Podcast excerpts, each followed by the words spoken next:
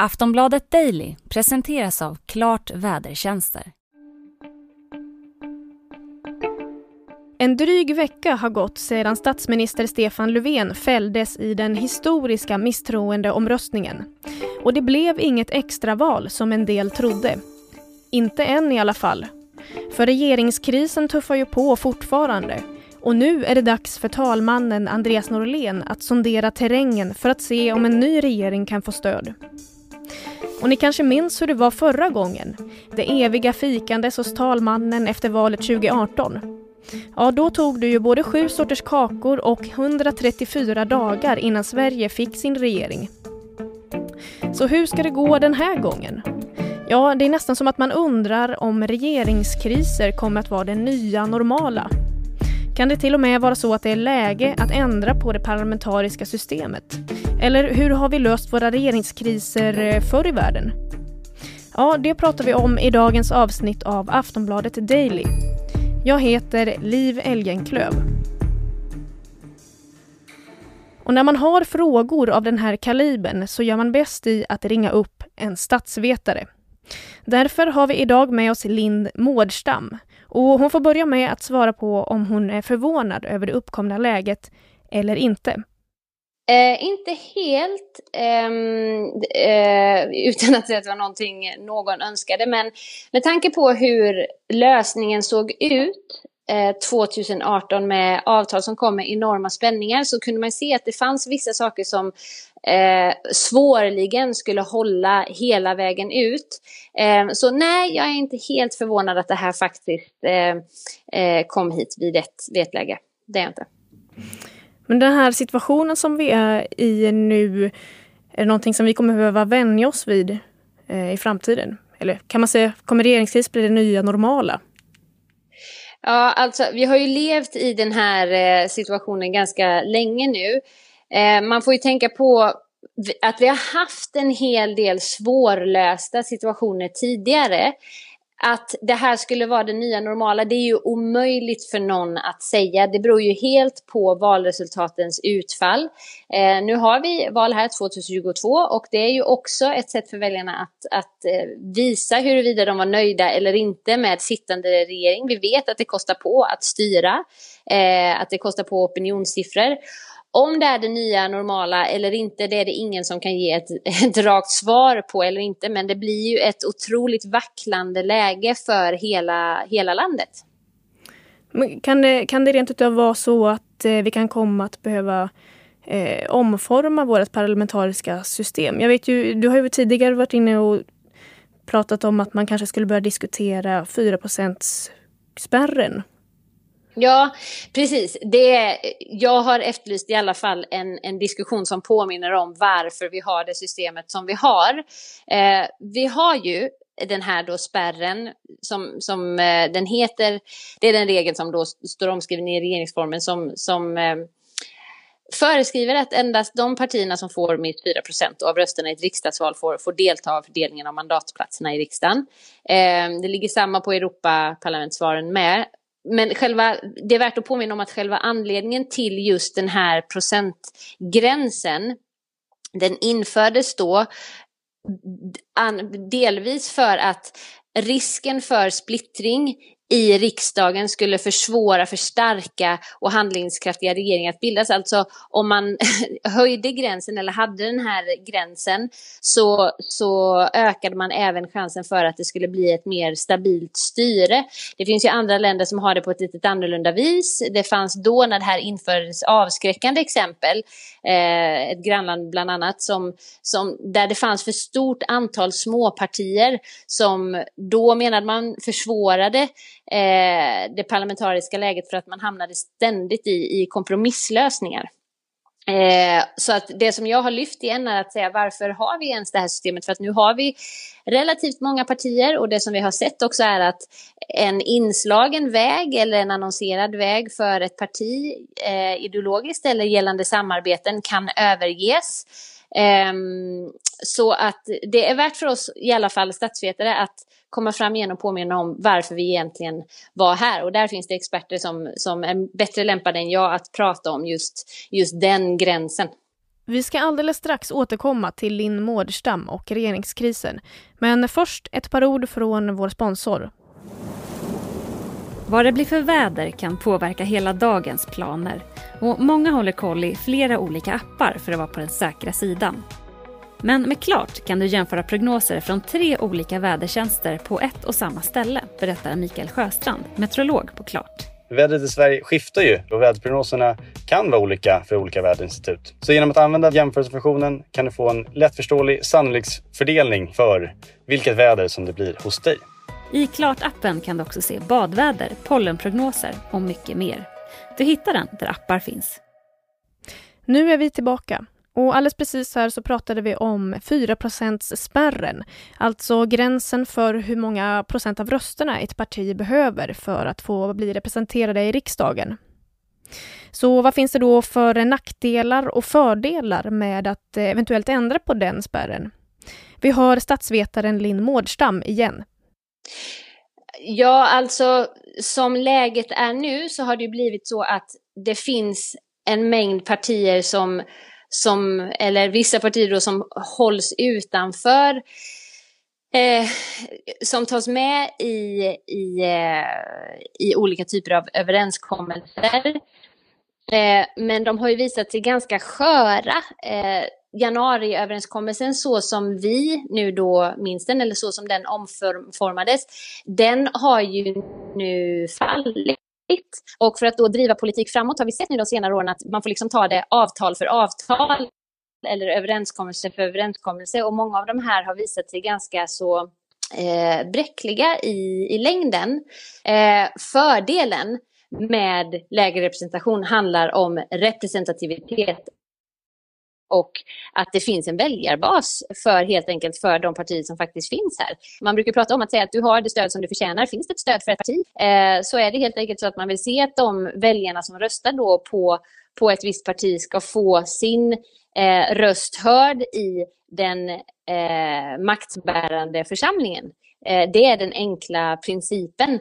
Och att Röstar man till exempel då på ett parti som inte då får representation så menar man då att då är det ju en bortkastad röst. Eh, säg att jag är en väljare till exempel som vill ge mitt stöd till ett parti som, som ligger i den, den lägre percentilen av andra partier, inflytande, men det är ändå där som jag vill lägga och kanalisera eh, mitt politiska förtroende. Kommer den då inte in, ja men då så fördelas ju mandaten proportionellt enligt de andra avlagda procenten. Det är det som är själva mekanismen.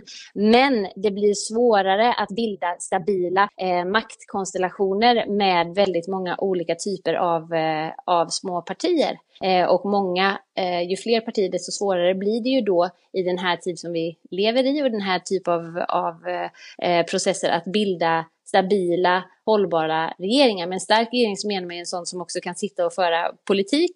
Eh, men det är ju svårt om det hela tiden finns ett överhängande hot om att inte få sitta kvar och styra. Men här, nu, nu associerar jag fritt här, du får ursäkta, mm. ha överseende med mm. det. Men blir inte det lite moment 22? Ju, om man, ju fler småpartier man har, desto mer möj större möjligheter är det för väljarna att säga specifikt den här ideologiska inriktningen vill jag eh, stötta med min röst och mitt demokratiska inflytande. Men då samtidigt så blir det också svårare för de partierna att få igenom den specifika politiken. För det då förutsätter ju det att man behöver göra mer kompromisser. Ja, det, så kan det ju vara, men så är ju även politiken. Det är det som är politikens själva väsen också, att, att förhandla, att, att ge och ta. Det ser man ju hela januari överenskommelsen är ju en illustration av det, hur svårt det är. Men man ska inte heller underskatta då eh, varken små partier eller ens som vi ser nu enskilda ledamöters eh, enskilda makt. De har ju en enorm kraft att faktiskt kunna avgöra vissa typer av frågor. Eh, men varje parti har ju ett existensberättigande på så vis att de har ett stöd i väljarbasen och därför finns de. Och eh, för att prata om en, eh, om en term som används väldigt mycket nu bara de här senaste veckorna så pratar vi om folkviljan. Det används på något sätt som ett, som ett begrepp som kan smältas ner till en enda röst och så är det ju inte. Vi har valt ett system som speglar folkviljan i hela dess heterogena sammansättning. Folkviljan som, så, som en enda röst finns ju inte på så vis, utan det är det här som är folkviljan. Vi ser ju partierna eh, som en spegel för den.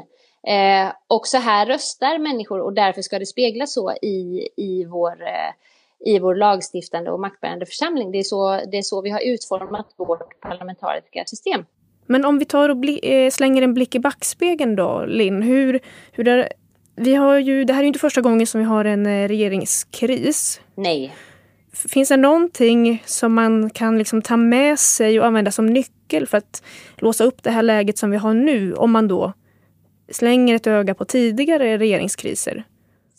Ja, um, det som vi har sett med de, med de tidigare kriserna har ju varit att det ofta varit präglade av just en fråga som har splittrat eh, regeringen eller riksdagen. Eh, på 50-talet så hade vi bland annat den här pensionsstriden. Eh, då var det Socialdemokraterna och Centerpartiet som, eh, som styrde i en koalition. Ehm, det slutade med att eh, det var ett extraval då, faktiskt på tal om vilken situation vi befinner oss i nu. Ehm, men då så var den här frågan så pass stor att det hölls en rådgivande folkomröstning Eh, som då gav, gav eh, en indikation på, liksom, på tal om folkviljan, om vad det var då i den frågan. Eh, vi har haft flera sådana här kriser på 70-talet, kärnkraften eh, med, med Fälldin som statsminister. Ehm, det slutade till slut med att eh, Fälldin avgick. Han satt då och eh, uppstickarpartiet Folkpartiet och Ola Ullsten kom, kom in och fick bilda en minoritetsregering och deras stöd var ju på på runt 10 procent 11 då. Jag hade lönestoppet med Ingvar Carlsson på 80-talet. Ehm, eh, hösten 2014 var ju också rörig eh, av flera olika anledningar. Det som, det som har präglat tidigare perioder är ju att det har ju på något sätt ändå landat i en, en pragmatism med vem som faktiskt kan få igenom en majoritet i riksdagen och vad som är eh, vad som för situationen framåt så att säga. Det, det, hamnar ju då och då i extremt låsta lägen. Eh, nu igen, eh, januariöverenskommelsen innehöll spänningar. Eh, frågan är om vi ens hade behövt hamna här från allra första början, att vi behövde hamna i en, en misstroendeomröstning röstning liksom i, i in the first place. Men nu, nu blev det så här. Eh, det är väldigt svårt att säga vad man kan lära sig av tidigare kriser med tanke på att de var i en annan tid. Det var också andra partier och andra typer av stöd som var i regeringen just då. Så att eh, det är väldigt svårt att säga att man ska se på en specifik situation och plocka med en läxa från den situationen och föra med sig den in i den, i den kris som vi är i nu. Vi har eh, vissa politiker nu som har sin förhandlingsförmåga. Eh, de, de har sina interna splittringar som de kanske behöver hantera. Eh, de har eh, en mängd olika frågor som, inte, som är nya för den här tiden. Eh, så att det är väldigt svårt att säga, se på hur vi gjorde förr och lär av det. För att det är ett nytt läge och det är en ny, en ny typ av, av förhandlingsläge också.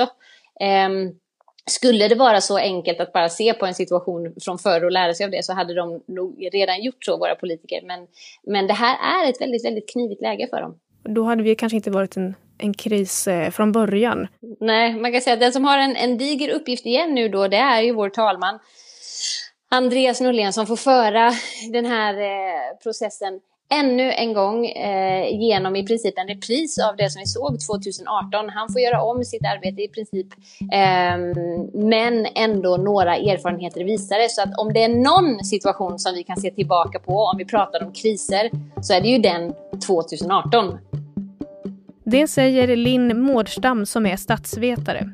Och det var allt från Aftonbladet Daily med mig, Liv Elgenklöv. Men hur den här regeringskrisen spelar ut sig, ja det återstår ju att se. Följ den senaste rapporteringen på aftonbladet.se. Så hörs vi snart igen. Du har lyssnat på en podcast från Aftonbladet. Ansvarig utgivare är Lena K Samuelsson.